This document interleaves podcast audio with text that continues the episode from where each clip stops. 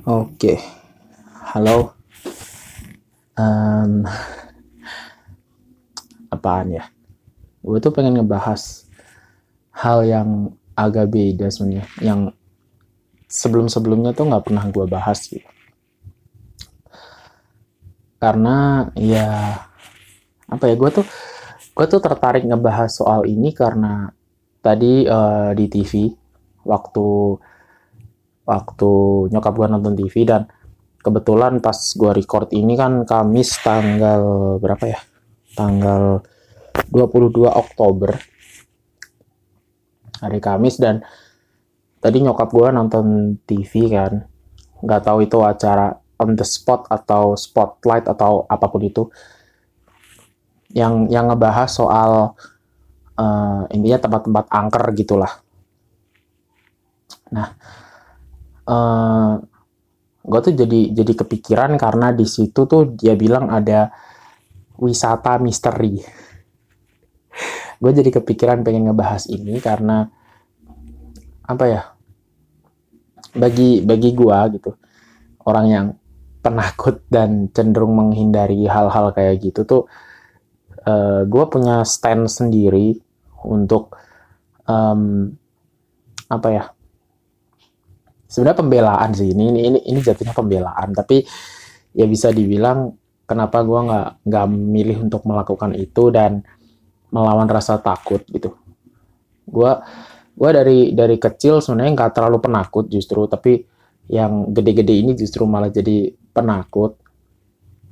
Tapi penakutnya bukan yang kayak penakut banget gitu sampai yang uh, harus apa-apa takut denger cerita dikit takut atau apa gitu enggak sebenarnya. Kayak gue uh, kalau berak atau mandi jam satu pagi jam 2 pagi gitu masih berani sih sendiri. Cuman ya apa sih masih kadang kayak ada perasaan nggak tenang gitu kan. Kayak berasa diawasin atau apa. Ya namanya juga penakut karena suka suka uh, berhayal di kepala sendiri. Kayak uh, eh, gue lagi diawasin apa gimana gitu.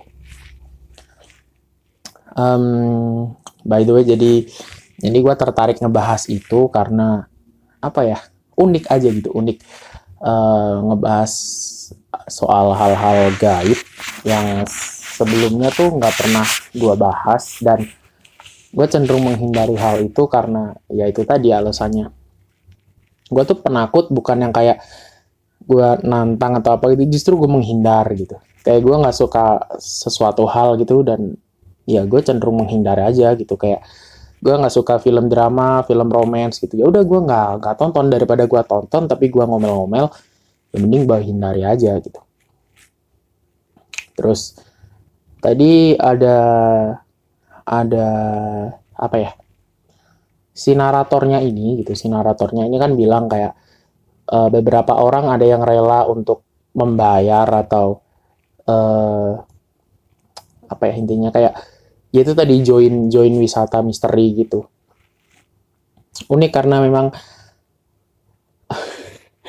di pikiran gue tuh kayak manusia tuh emang selalu kayak gitu gitu. Ada ada hal yang seharusnya manusia tuh nggak ikut campur di situ tapi kayak mau ikut campur aja gitu kenapa ya? Manusia tuh kayak gitu tau. Uh, kayak misal uh, apa ya? Uh, um, laut gitu nah, laut tuh kan sebenarnya bukan tempat hidup manusia gitu. Bukan tempat hidup manusia bukan tempat hidup uh, kita gitu. Tapi kita milih untuk nyemplung milih untuk ngambilin karang yang sebenarnya apa ya? Itu tuh nggak berguna buat kita kecuali dijual dan dapetin duit itu tadi ya karena serakah aja gitu. Kecuali kalau kita tuh hidup butuh karang gitu misal dimakan atau buat apalah gitu misal air lautnya diminum atau apa gitu. Kan nggak juga gitu. Tapi orang tuh pengennya kayak ikut campur aja gitu di di dunia yang sebenarnya kita tuh nggak nggak perlu ikut campur di urusan yang kayak gitu tuh. Kayak misal di dunia gaib gitu. Ini ini ini ini pandangan gue pribadi ya. Harus kasih disclaimer dulu ini ini pandangan gue pribadi. Tapi yang kayak gitu tuh sebenarnya nggak perlu gitu. Kenapa sih orang tuh kayak kepo banget sama kehidupan mereka gitu? Kayak di dunia manusia yang seribet ini dengan hiruk pikuk dunia dengan segala sesuatu baik buruknya gitu kayak masih kurang aja. Kayak gue butuh dunia baru nih gitu kenapa sih kayak gitu? Kan mereka eh, kalau gue nih ya ya ya udahlah gitu. Mereka biar hidup di dunia mereka sendiri udah gitu. Kayak kita uh, hidup berdampingan tapi nggak usah yang saling rese gitulah intinya tuh. Ya mereka emang ditakdirkan untuk rese sih ke ke manusia. Di di agama yang gue anut ya dia mereka ini emang tujuannya rese ke manusia. Tapi ya apa ya kita emang uh, sistemnya kayak balas dendam apa gimana sih makanya kayak di acara misteri yang uh, suka narik-narikin setan buat ditanya-tanya gitu tuh kadang kadang gue juga bingung gitu ini ini Makanya kadang kan setan suka marah tuh, setan yang ditarik terus dimasukin ke apa ya, ke mediator gitu kan suka marah tuh. Kenapa saya diganggu? Kenapa uh, kalian memasuki area ini bla bla bla bla bla bla gitu. Ya sebenarnya nggak perlu juga gitu. Kayak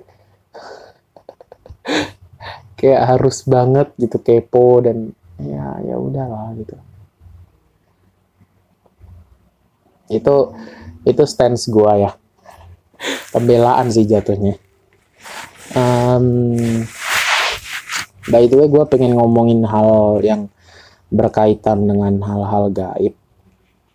Hal-hal yang uh, apa ya di luar di luar dalam tanda kutip di luar nalar manusia tadi. Kayak misal um, perdukunan. Di 2020 ini masih ada loh orang-orang yang pakai pakai jasa dukun gitu buat melancarkan sesuatu yang yang dia pengenin gitu. Kayak gue sih uh, apa ya? Um, gue nggak percaya dukun gitu, nggak percaya soal praktek perdukunan. Maksudnya kayak bahwa dia bisa menyembuhkan atau apa gitu, nggak percaya tapi gue percaya ada orang yang uh, itu kan apa ya hitungannya? Kayak menjual jiwanya gitu kan? Kayak uh, dia menjual jiwanya ke iblis atau ke setan atau apa pun itu.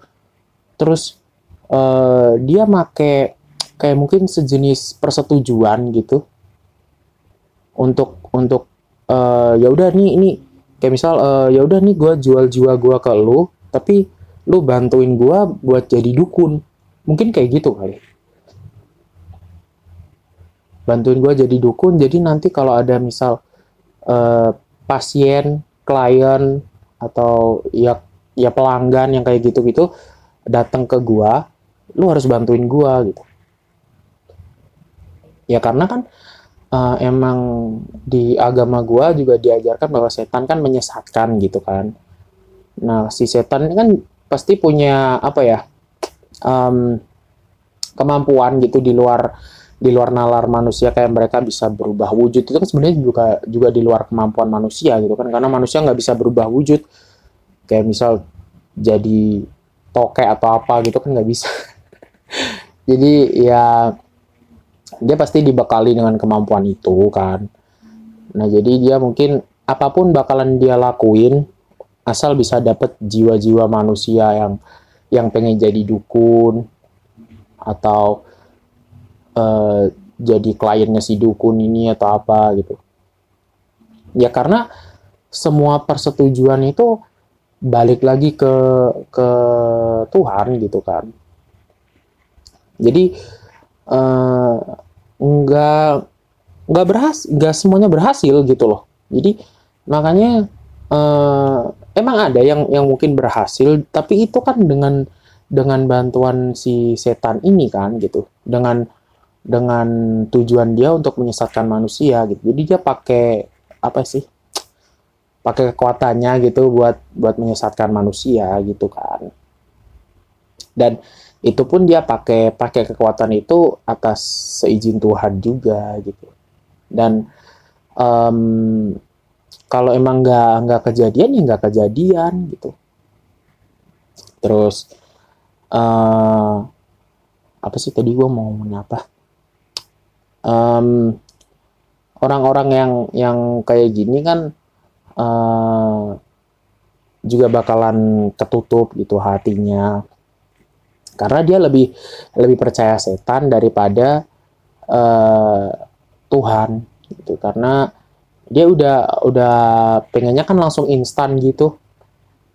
Jadi udahlah gitu nggak nggak pernah percaya sama Tuhan karena Tuhan nggak ngasih yang instan gitu atas atas usaha dia atau atas jerih payah dia gitu. Ya tapi ya balik lagi ke orangnya sih. Apalagi praktek perdukunan gitu kan sumpah itu rame banget kalau lagi pilkada atau pemilihan pemilihan caleg gitu. Itu tuh rame banget kayak ada orang yang pakai jasa dukun gitu biar biar bisa um, uh, jadi caleg Makanya ada ada istilah dukun kampanye, dukun kampanye gitu kan kayak gitu tuh. Udah ada istilahnya sendiri kayak dukun dukun yang manjur tuh daerah mana sih gitu. Bahkan ada ada daerah-daerah yang terkenal dukunnya tuh sakti gitu. Udah ada stereotipnya tuh. Kayak misal kalau lu pakai dukun di daerah sana tuh eh, manjur, gitu. tapi maharnya mahal atau apa gitu. Ya, apa pun dilakukan lah apa pun dilakukan untuk tujuannya untuk untuk apa sih biar uh, nafsunya terpenuhi terus um, si dukun ini kan biasanya juga kadang ada juga dukun yang buka praktek santet. Gue tuh sampai sekarang masih bingung tau kayak praktek santet ini gimana sih gitu? Kan bisa tiba-tiba ada paku di situ atau ada silet gitu pokoknya benda-benda tajam yang bisa dimasukin ke tubuh gitu terus si orangnya ini bakalan kesakitan banget bakalan kesiksa sampai si santetnya dicabut atau bahkan sampai mati gitu orangnya tuh. Tapi gue juga juga nggak tahu gitu ini apa bener ini bisa sampai mati gitu? Maksudnya disantet sampai yang yang mati gitu. Karena ya gue masih berpikir bahwa mau disantet kayak gimana pun kalau kalau Tuhan mau eh Tuhan nggak pengen dia meninggal ya nggak meninggal gitu. Bahkan sembuh gitu. Makanya kan orang-orang kadang uh, nyari kesembuhan atau minta tolong ke ke orang yang yang bisa ngedoain um, apa ya bantu ngedoain gitu biar uh, bisa sembuh. Entah itu ke ustadz entah itu ke pendeta atau ya apa pun itu. Tapi masih bingung. Jujur jujur gue tuh masih masih bingung dengan dengan santet ini. Tapi ya ya itu tadi dengan kerjasama dari setan kan uh, apa pun yang uh, di luar nalar manusia tuh bisa kecapai itu kan. Dan masih sama tujuannya kan si santet ini kan dilakukan setan buat biar si si apa sih? Si kliennya ini mikir bahwa oh dukunya sakti nih gitu. Jadi dia udah nggak percaya lagi sama Tuhan gitu. Jadi itu sebenarnya bagian dari penyesatan juga. Terus um, pesugihan gue tuh baru tahu soal pesugihan tuh uh, dikasih tahu nyokap. Maksudnya uh, kadang kan gue gue suka mikir ya ini tuh sistemnya gimana gitu. Orang bisa bisa tiba-tiba kaya terus uh, usahanya lancar gitu. Itu kan tujuan dari pesugihan kan itu. Biasanya kan buat naik jabatan atau uh, keuangan gitulah intinya itu tuh bisa pakai itu kan jadi uh, itu tuh sistemnya gimana gitu? Apa apa dia uh, tiba-tiba langsung ketiban uang gitu kan nggak mungkin juga. Terus gue tanya ke nyokap kan gitu sebenarnya sistemnya gimana sih bu? Gitu. Ini ini setahu ibu gue ya. Gitu. itu ini setahu nyokap gue um, jadi katanya pesugihan itu sebenarnya ngambil hoki ngambil keuntung ngambil keberuntungan dari keturunan-keturunan kita setelahnya gitu. Jadi kayak misal uh, eh, gue pengen pesugihan nih, gitu. gue pengen pesugihan, terus nanti keberuntungan keberuntungan dari anak cucu, terus uh, cicit gue gitu misal itu tuh dipindahin ke gue semuanya. Jadi kayak uh, nanti di keturunan-keturunan uh, yang selanjutnya tuh mereka bakalan hidup susah gitu. Terus kan gue mikir ya gitu terus apa gunanya dong gitu? Itu kan nggak nggak apa ya nggak nggak nggak worth it gitu loh maksud gue kayak dia mindahin mindahin keberuntungan ke satu orang. Terus si orangnya ini bisa mati dan uh, si si berikutnya ini kan nggak atau atau kalau misal dia nggak mati lah gitu. Atau kalau misal dia nggak mati uh, dia bakalan menua kan gitu. Dia bakalan menua dan uh, si anak-anaknya ini kan keberuntungannya udah hilang kan gitu. Nah kalau misal si anaknya ini kerja terus kesusahan gitu kan gimana juga gitu ya nggak bisa ngasih kehidupan ke dia dong. Dia bakalan matinya itu dalam keadaan susah juga gitu. Kayak katakanlah misal dia kaya banget nih. Dia bisa bisa ngasih duit ke anak cucu. Tapi karena keberuntungannya habis gitu. Jadi kayak misal si anaknya ini mau usaha apa terus bangkrut. Usaha apa lagi? Bangkrut. Atau dia nyari kerjaan susah lama-lama kan duitnya habis juga gitu. Ya buat apa gitu. Tapi ya ya kata nyokap kata nyokap gue sih ya apa pun dilakukan lah kalau manusia udah kepepet gitu. Kayak dia dia yang dipikir juga sekarang gitu. Dia nggak mikir anak atau cucunya nanti bakalan gimana. Yang penting dia aja sendiri gitu hidupnya enak gitu. Oh berarti ini berdasarkan egois ya gitu iya ini berdasarkan egois gitu. Ya pada dasarnya kan manusia egois gitu. Ya.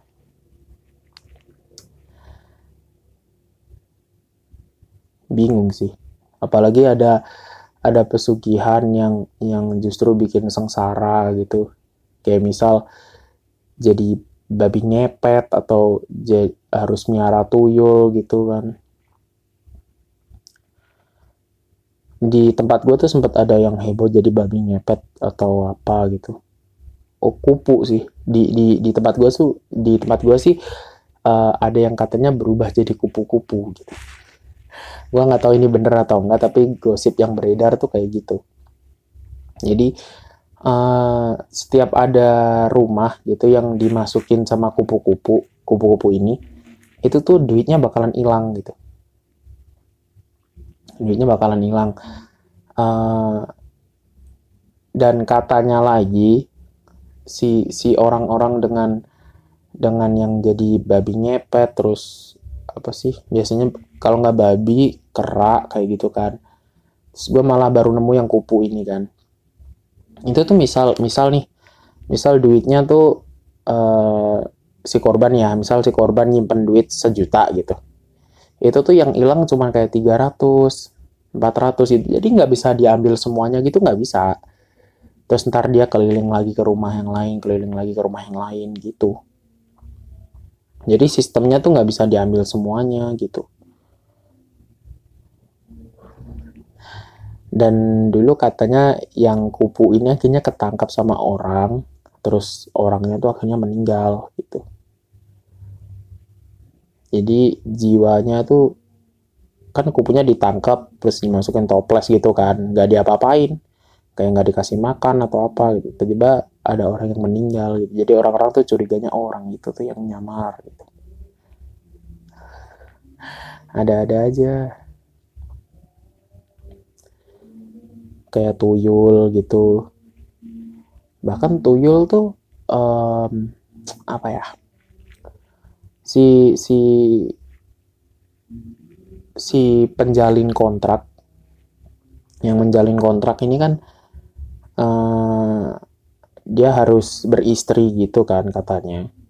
Dan si istrinya ini harus nyusuin si tuyul ini. Bahkan dia harus beliin kayak mainan kayak baju-baju gitu.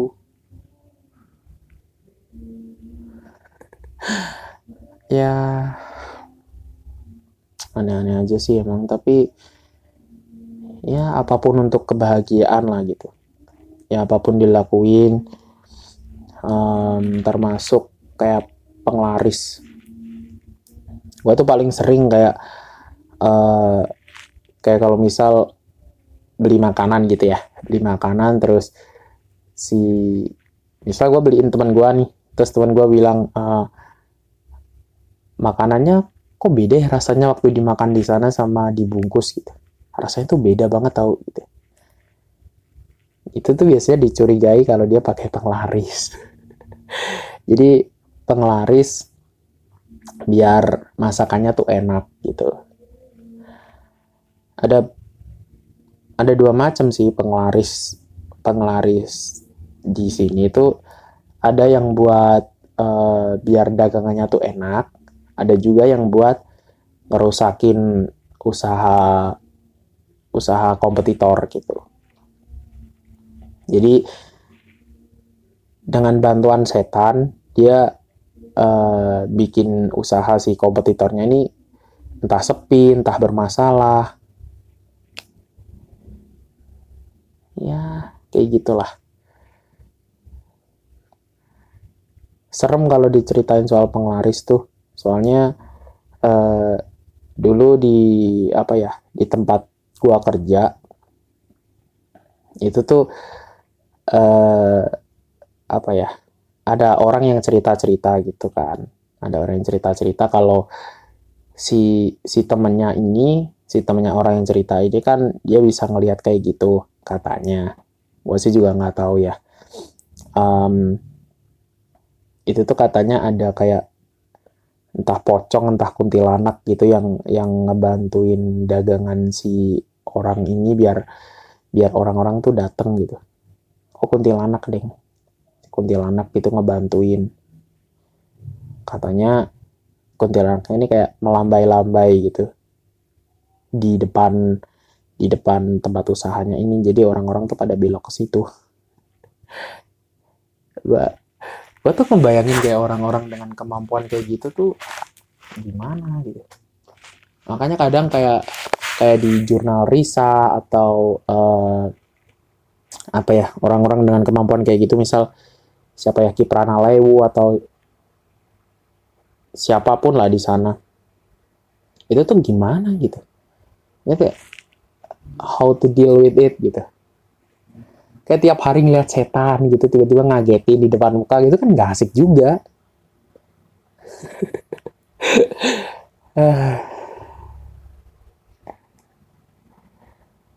Ya itulah intinya.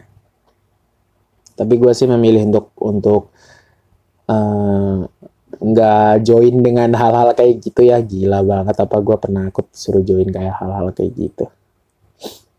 Gue gue meyakini mereka ada tapi gue milih untuk nggak ikut campur urusan mereka. Jadi kayak ya ya udahlah dunia kita berdampingan aja gitu. Udah cukup gitu doang. Nggak pengen yang gimana gimana banget. Soalnya buat apa juga? Udah segitu aja kali ya. Gue tumbenan banget nih pengen ngebahas hal-hal gaib. Kepikiran aja gitu oh ya disclaimer lagi itu tadi setahu gua aja ya gitu. Jadi bisa aja ini salah tapi ya gua nggak nggak nyuruh kalian untuk meyakini ini gitu. Dah gitu aja. See you on the next episode. Bye